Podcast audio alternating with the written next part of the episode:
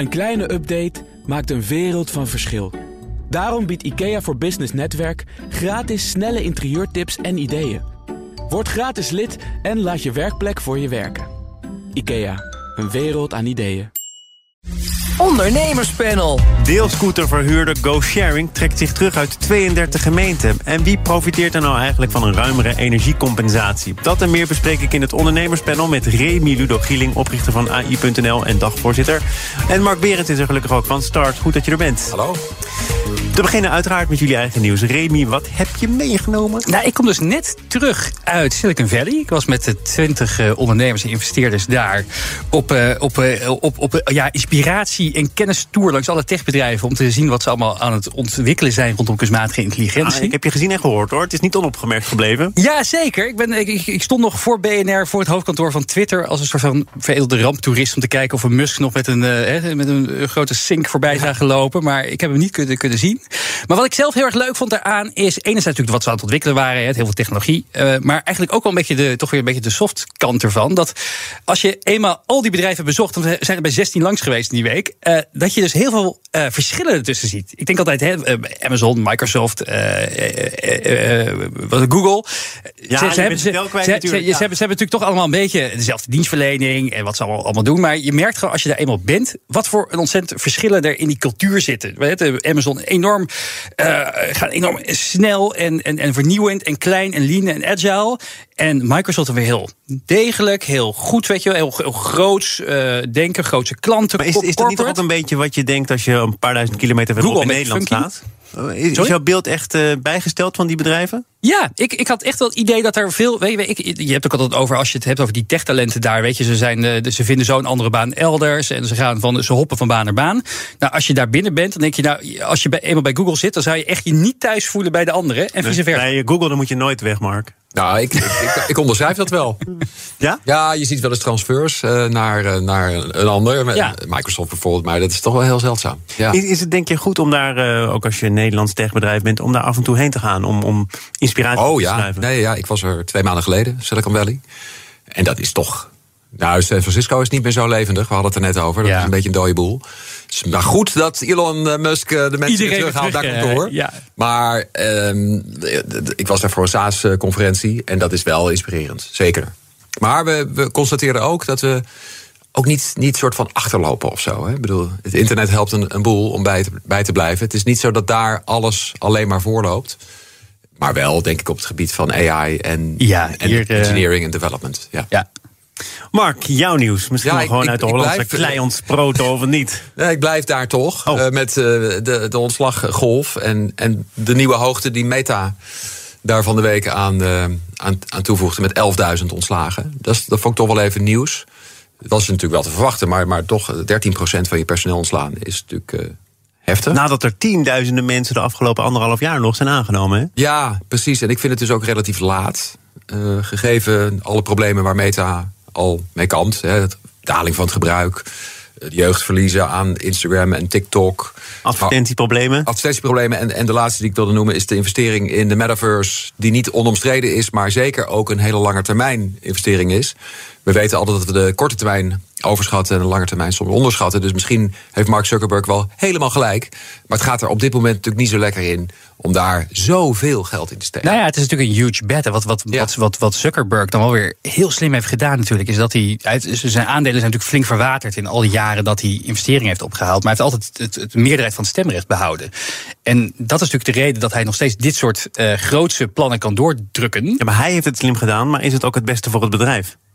Ja, dat zul je dus pas la- later weten. Het Nee, heet, ook, het heet ook een big bet. Ja. En als je Ja, nou dat, en, en we, waren ook, we waren dus ook bij Nvidia, natuurlijk ook een, een, een, de, de, de chipmaker. eh, en, en, en daar zit dus ook nog steeds de CEO en founder aan het roer, Jensen Huang. En die heeft dus ook meerdere keren in het bestaan van dat bedrijf eh, zo'n grote big bet geplaatst. Dat het, ja, het was een kantje boord, weet je wel. Of, of, of het ging heel groot worden, of het ging totaal door het putje heen. Maar dat heeft er wel voor gezorgd dat ze nu ja, toch een van de grootste bedrijven ter wereld zijn geworden. En bij hun heeft het in ieder geval goed uitgewerkt. Ik, denk, ik, ja, ik heb er wel vertrouwen in dat het goed is om dit af en toe te doen. Maar eh, eh, ja, het is inderdaad nog een beetje ik denk dat. Zuckerberg heel blij is met het vertrouwen van Remy Ludogien. Maar Ja, grote aandeelhouders hebben inmiddels per brief ook aangegeven... eh, Mark, alles eh, goed en wel, maar dit gaat ons te ver. Ja, hij is ook 75% van zijn waarde zelf kwijt. Hè? Ik bedoel, op papier dat- dat- dat- koop je geen boterham, mi- geen Nee, hij boterham zal, er minder niet, van. eh, hij zal er niet een nacht minder op nee, slapen. maar toch. het, het- het is wel echt eh, down the drain. Nou, en voor die mensen is het natuurlijk ook alweer eh, 11.000 11.000 medewerkers... die dat waarschijnlijk ook, ook betrekkelijk allemaal recentelijk zijn Ja, aangenomen. en dan wel 100 miljard investeren in de metaverse... waarvan je niet weet of het wat gaat worden. Ja, Ja, Hmm. maar dat is- daar zal hij denk ik ook nu wel, wel een beetje paal en perk aan moeten stellen. Want je kunt niet en 13 11.000 man laten gaan en, en vervolgens alles, al het andere doorzetten. Dat, dat We gaan, we gaan naar eh, gekrabbel in de marge. Ja. Namelijk eh, het Nederlandse geld, de Nederlandse miljarden. Het kabinet heeft de drempel verlaagd voor het MKB... om in aanmerking te komen voor een financiële compensatie... voor hun hoge energierekening.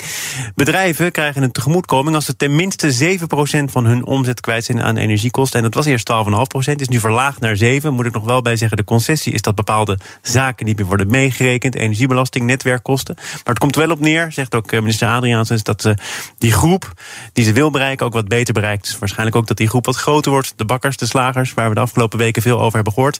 Eh, kon dit niet uitblijven, Remy? Nou, ik vind het wel weer. Kijk, enerzijds, ik, ik, ik wil niet met z'n allen alleen maar schoppen op de overheid. Want ze doen, denk ik, toch wel echt erg hun best om, om, om, om waar het kan eh, iedereen zo goed en wel te, helpen waar nodig. Eh, maar ik vind het ook alweer een gevalletje dat ik denk, ja, hoe, hoe- kan je dit niet even hebben doorgerekend van tevoren? Dat je, je, je weet welke groep je wil bereiken. Dan ga je toch ook even met een paar slimme wiskundigen eh, en economen bedenken: oké, wat, wat, wat, voor, wat voor wetgeving moeten we dan maken om die groep ook te bereiken? En dan kom je met zo'n vraaggetal van 12,5% eerst. Nou, dat blijkt dan vervolgens niet voldoende, want iedereen. Ik heb ook aangegeven, rekenfoutje.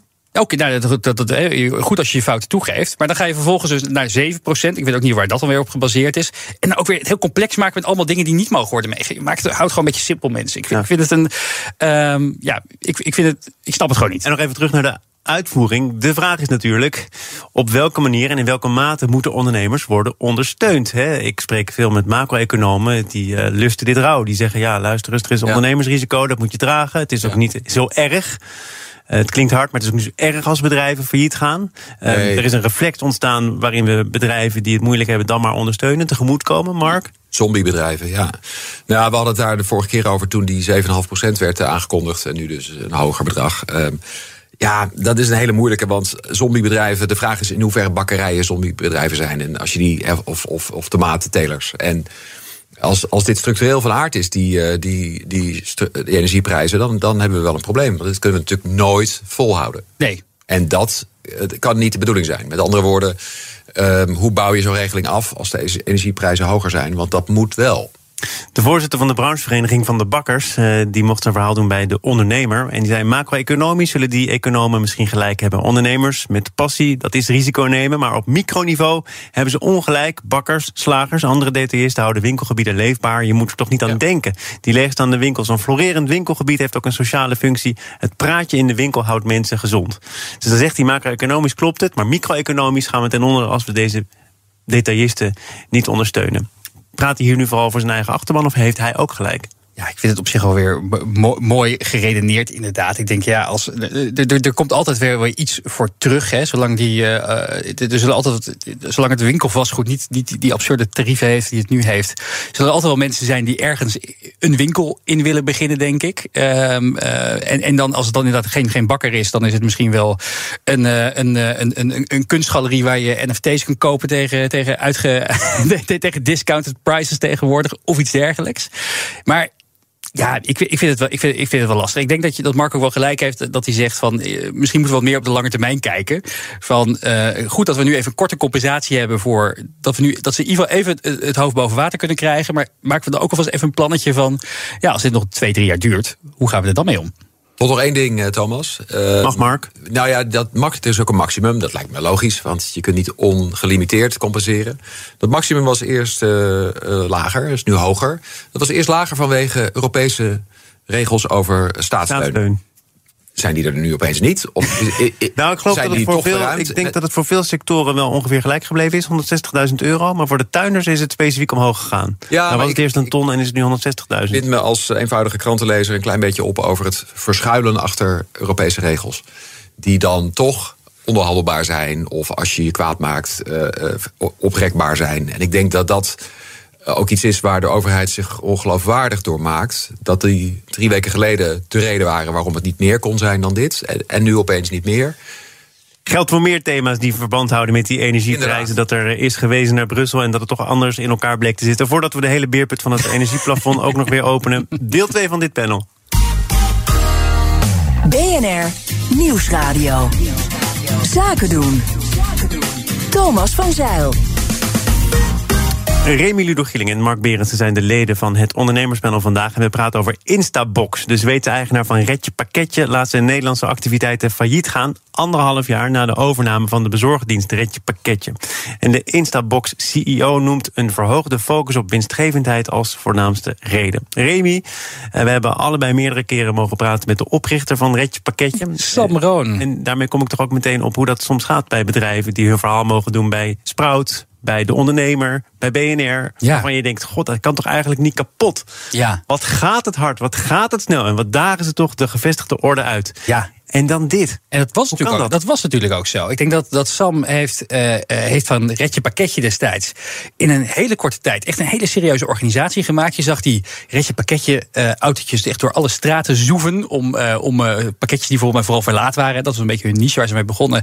Maar op tijd bij, bij consumenten te krijgen. En dat was in één klap doorgegroeid naar 750 eh, eh, 50 medewerkers. eh, een eigen vloot aan, aan autootjes. Die waren ook aan het verduurzamen. Dus aan ambitie was daar. Niet te veel kijken naar de cijfers. Remy. Ja. Want er werd nog weinig mee verdiend. Er werd nog weinig mee verdiend. Maar ja, dat, dat zie je natuurlijk in, in alle sectoren die heel hard willen groeien. En dit was natuurlijk in een tijd waar ook het geld gewoon eh, makkelijk vrijuit beschikbaar was. Voor mij hebben ze, eh, heeft Sam vor, eh, vorig jaar dat het bedrijf eh, gefuseerd, zeker verkocht aan, eh, aan dat, eh, aan dat Instabox. Heeft het ook volgens mij gedaan met alle goede intenties van dien. En ja, zo blijkt dus toch wel weer dat je niet alles in contracten kan afslu- afsluiten dan. Want eh, wat ik ervan begreep, was hij ook gewoon extreem overdonderd met het nieuws. Dat, dat ze in één keer denken van, nou ja, zeven jaar werk en Ja, duizend... ze zullen hem vorig jaar niet verteld hebben. Trouwens, als jij een maand de deur achter je dichtgetrokken hebt, dan eh, Dan trekken we, dan, trekken we de stekker eruit. Ja. Dus, maar hij, hij wordt ook niet meer gebeld, Mark, want hij is niet meer de baas. Dan word je dus niet meer gebeld. Dat, eh, dat, dat, is, dat is dan zo. Nee. En dan heb je de sleutels ingeleverd. Maar, maar wat er hier gebeurd is, toch nog even in een kort bestek. Bedrijf overgenomen voor 25 miljoen. Er was toen wel al nog een schuld van, ik geloof, 10, 11 miljoen. Dat wisten Ja. ze bij Instabox ook. Instabox is inmiddels zelf weer gefuseerd met een ander Zweeds bezorgbedrijf. consolidatieslag hier. En die overname van Redje Pakketje is pas in april van dit jaar definitief afgerond. Het is nu november. Ja. Zeven maanden later wordt er gezegd: ja, de winstgevendheid staat onder druk. Vinden we nu belangrijker dan de groei van Redje Pakketje? Ik denk dat heel veel deals juist ook in april dit jaar zijn afgeketst. Die dan volledig in de pipeline zaten. Omdat investeerders, overnemers, hè, de overnemende partij op het laatst dacht... nou, de wereld verandert serieus. Nou, dat is hier niet gebeurd. Hier hebben ze doorgezet. Maar die wereld is serieus veranderd in ongebreidelde groei financieren... naar winstgevendheid en een, en een lange runway eh, creëren. Ja. Echt maar echt 180 graden waait de wind uit een andere hoek. En dan moeten er maatregelen genomen worden. Nou, dat is blijkbaar deze geweest. Eh, eh, jij staat er niet eens van te kijken. Ik sta er helemaal niet van te kijken. Want het is een, ik bedoel, een verlieslatend bedrijf waar, waar Maar dat zeggen, wist je toch? Jawel, je je maar- weet toch bij maar- start-ups zoals Remy Ja, ook dat klopt. zegt... Maar als de wind dat opeens uit duurt. volledig andere hoek waait, namelijk eh, de, de groei en het geld is opeens duur, en, en dus je gaat niet meer van fundingronde naar fundingronde, dan zegt zo'n club, ja, daar kunnen we dus niet geld in blijven. eh, Ik denk dat ze dat hebben gedacht, we kunnen het beter nu afschrijven. Dan zijn we er, Ja, zijn we er dan nog een jaar. vanaf. En dan, eh, dan, eh, dan gaan we daarna weer kijken hoe we het, hoe we het eh, in, ons, eh, in ons thuisgebied gaan, eh, gaan opbouwen. Maar het is wel extreem sneu als je hier natuurlijk... Ik, ik denk ook niet dat, dat, dat je dit had verkocht eh, met dit in het achterhoofd. Ja, Remy, maar vind je het nou extreem sneu? Of had je toch de gedachte die ik had van... hè? Hoe kan dit zo snel gaan? Nou, ik, had, ik, ik, ik ben het wel een beetje mee eens dat gezien de marktomstandigheden. eh, denk ik dat we nog wel meer van dit soort, eh, dit soort verhalen gaan, gaan krijgen. Het was wel de eerste, eerste reactie die ik had. Van, hè, hoe, hoe, hoe, dan? Hoe kan je in zes maanden tijd weet je, afscheid nemen van zo'n grote deal die je hebt, eh, die je hebt gedaan? En heb je ook gedacht nou, aan je eigen rol als voormalig hoofdredacteur van MT Sprout? Bij dit soort bedrijven die vaker een podium krijgen, moeten wij ook kritische vragen stellen over hoe houdbaar dit nu werkelijk is? Vind ik een interessante vraag. Ehm, iedereen zat in dat, in dat narratief, hè? ja, Vergeet dat niet. En- groei moet, en- groei kan. Ja, ik denk, ik, denk het, ik, denk- ja, ik denk dat het misschien wel goed is om inderdaad vaker mee te nemen. Dat hoorde je ook wel op die uh, op, die, uh, op, die, op, die, op die ondernemersreis die we dan net hebben, hebben, gemaakt. Mensen ook al een beetje ingingen tegen dat concept van ja, uh, geld ophalen is kennelijk succesvol. als je, dat is toch wel vaak een beetje het idee. Hè? Als je bedrijf uh, goede funding heeft, heeft opgehaald, dan ben je als ondernemer geslaagd. alleen dat, dat is een idee wat we met z'n allen hebben. Maar eigenlijk, ja, onder, onder, onderaan de streep begint het dan pas. Hè? Dan begint het spelletje pas voor je te spelen. Want dan moet je jezelf gaan bewijzen.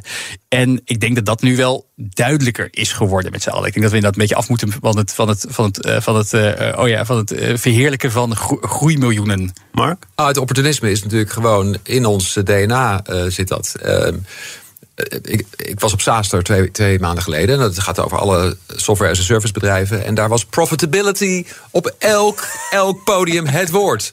Nou, deze mensen hadden een jaar geleden natuurlijk het allemaal alleen maar over groei. Burn rates. En, maar, maar ook niet met, een soort, met een soort zelfspot. Nee, dat hebben ze meteen. bedoel, dat bedoel ik met opportunisme. Ja. Het narratief is meteen 180 graden veranderd. Want omstandigheden. Dat is ook ondernemerschap.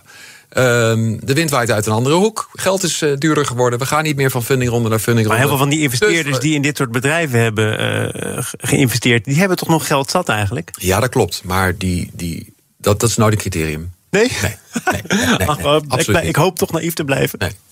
We gaan naar uh, een ander bedrijf. Soortgelijk verhaal. Deelscooterverhuurder GoSharing stopt met de verhuur van zijn elektrische scooters in 32 van de 45 gemeenten waar het nu actief is. In de kleinere steden is de verhuur van de scooters niet rendabel genoeg en dus gaat het bedrijf zich nu vooral richten op de grotere steden als Amsterdam, Rotterdam, Eindhoven. Uh, red je pakketje all over, Mark? Jawel, heeft, heeft er wel wel een boel van weg. Maar ook nog een ander fenomeen. Het, het grappige was dat uh, mijn, mijn compagnon haalde mij over om uh, in, een, uh, in een stad een, uh, een elektrische scooter eventje, of een scooter niet, een, een step te, ja. te, gaan nemen. Had ik nog nooit gedaan, dus ik die Lime-app downloaden en wij op pad. Nou, één deed het, de andere deed het niet. Oké, okay, op zoek naar waar zo'n ander ding staat. Nou, we vonden er vijf, ze waren allemaal kapot, kapot. niet opgeladen of ze lagen achter een hek. Het was een drama. Het ging helemaal nergens over. Dus het is ook gewoon niet goed genoeg. Dat ik heb ook een hele positieve ervaring met, oh. met, met, met fietsen uh, in steden die in zo'n dockingstation staan. Volgens mij in Parijs werkt het fantastisch. Ik was in New York, San Francisco. Ga je lekker fietsen, heb je goede app, je weet waar je ze neer moet zetten over het algemeen zijn die fietsen van goede kwaliteit. Dus het, het is een beetje. Maar dat waren dan. Belangrijk verschil, Remy. Scooters zijn wel duurder. En als ze kapot zijn, eh, is de reparatie vermoedelijk ook duurder. Ja, en je moet ze ook nog allemaal. Het, het service is denk ik nog lastiger. Want ze staan dus overal en nergens. En ze liggen overal en nergens. Dat is een heel grappige Instagram-account. Uh, strooiscooters. Die, met allemaal foto's van die scootertjes die overal en nergens worden neergepleurd, letterlijk. Um, maar ja, je vergeet vaak als ze daar staan. Iemand heeft dat ding moeten opladen. Dus die moeten ook worden opgehaald. Of de batterijen moeten worden ja. geswapt. Of whatever, hoe ze dat ook doen.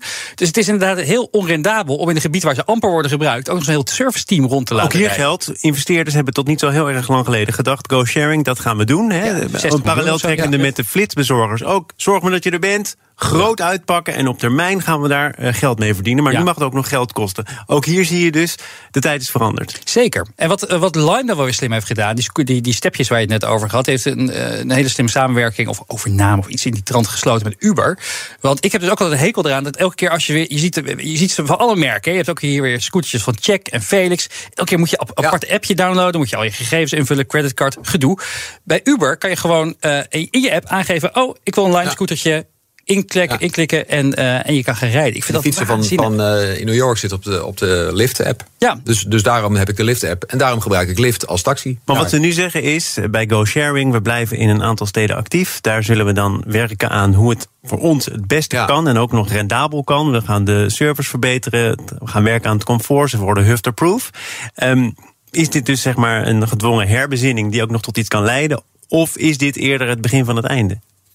Nou, dat laatste hoop ik niet voor ze. Zo simpel nee, dat hoop ik ook moet, niet, moet ik het maar... zeggen. Nee, maar serieus, kijk, op zich is er wel iets voor te zeggen dat dit soort services uh, bestaan.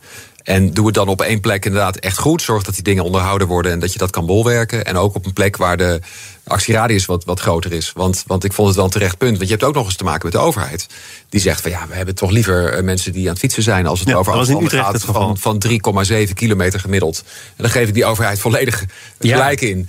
Uh, want die dingen staan overal en nergens. En uh, dat is een probleem. Al met al goed, werk, goed, goed ondernemerschap, denk ik hier. Gewoon op tijd de keuze gemaakt om weer terug te gaan naar je, je, je kern. En uh, ja, dan maar even afscheid te nemen. Ik vind, het, ik vind het een sterk statement eigenlijk. Prettig om het ondernemerspanel af te kunnen sluiten met een staaltje goed ondernemerschap. Remy Ludo Gilling, oprichter van AI.nl, dagvoorzitter, dank voor je komst. En Mark Berensen, directeur van Start, ook dank voor jouw komst. Zometeen dan is het tijd voor de Oekraïne-update in dit programma. Als ondernemer hoef je niet te besparen op je werkplek. Want IKEA voor Business Netwerk biedt korting op verschillende IKEA-producten. Word gratis lid en laat je werkplek voor je werken. IKEA, een wereld aan ideeën.